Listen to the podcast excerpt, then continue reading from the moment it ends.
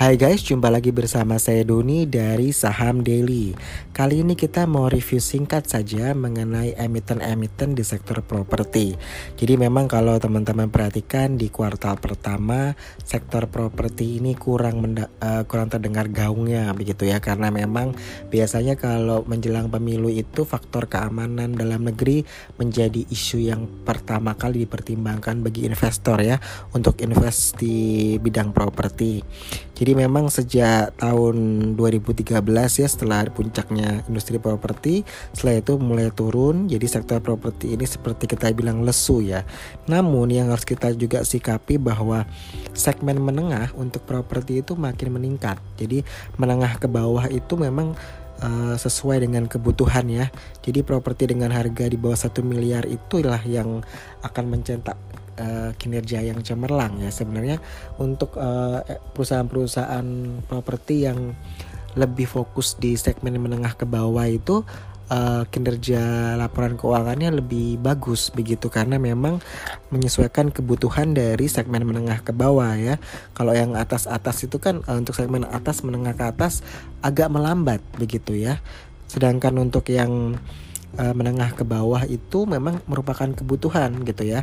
Orang menikah pengen beli rumah begitu ya untuk tempat tinggal. Jadi mau nggak mau mereka harus membeli begitu ya jadi memang ketika kita lihat di sektor uh, menengah ke atas melambat tapi sebaliknya di sektor uh, di segmen maksud saya menengah ke bawah itu makin meningkat begitu.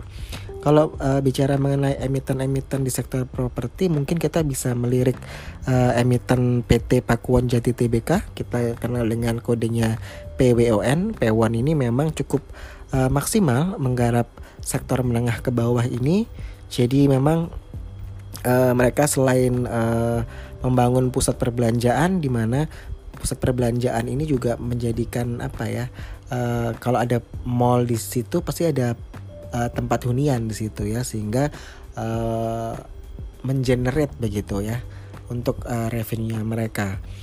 Lalu uh, untuk P1 ini kan kalian uh, juga bisa melihat dari Pakuan Mall, lalu kota Casablanca. Jadi ini merupakan recurring income ya, menjadi pendapatan alternatif bagi P1 uh, ketika mereka melakukan penjualan kondominium ya untuk kelas menengah yang sedang melambat. Jadi memang ini juga apa ya strategi yang baik dari uh, Pakuan ya.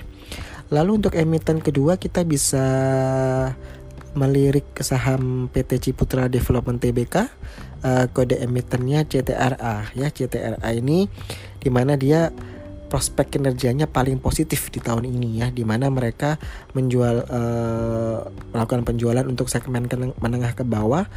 Tentu eh, CTRA dan P1 ini juga bersaing ya. Kita bisa bilang uh, ya setali tiga uang lah karena memang sama-sama menyusuri kepada segmen menengah ke bawah begitu ya.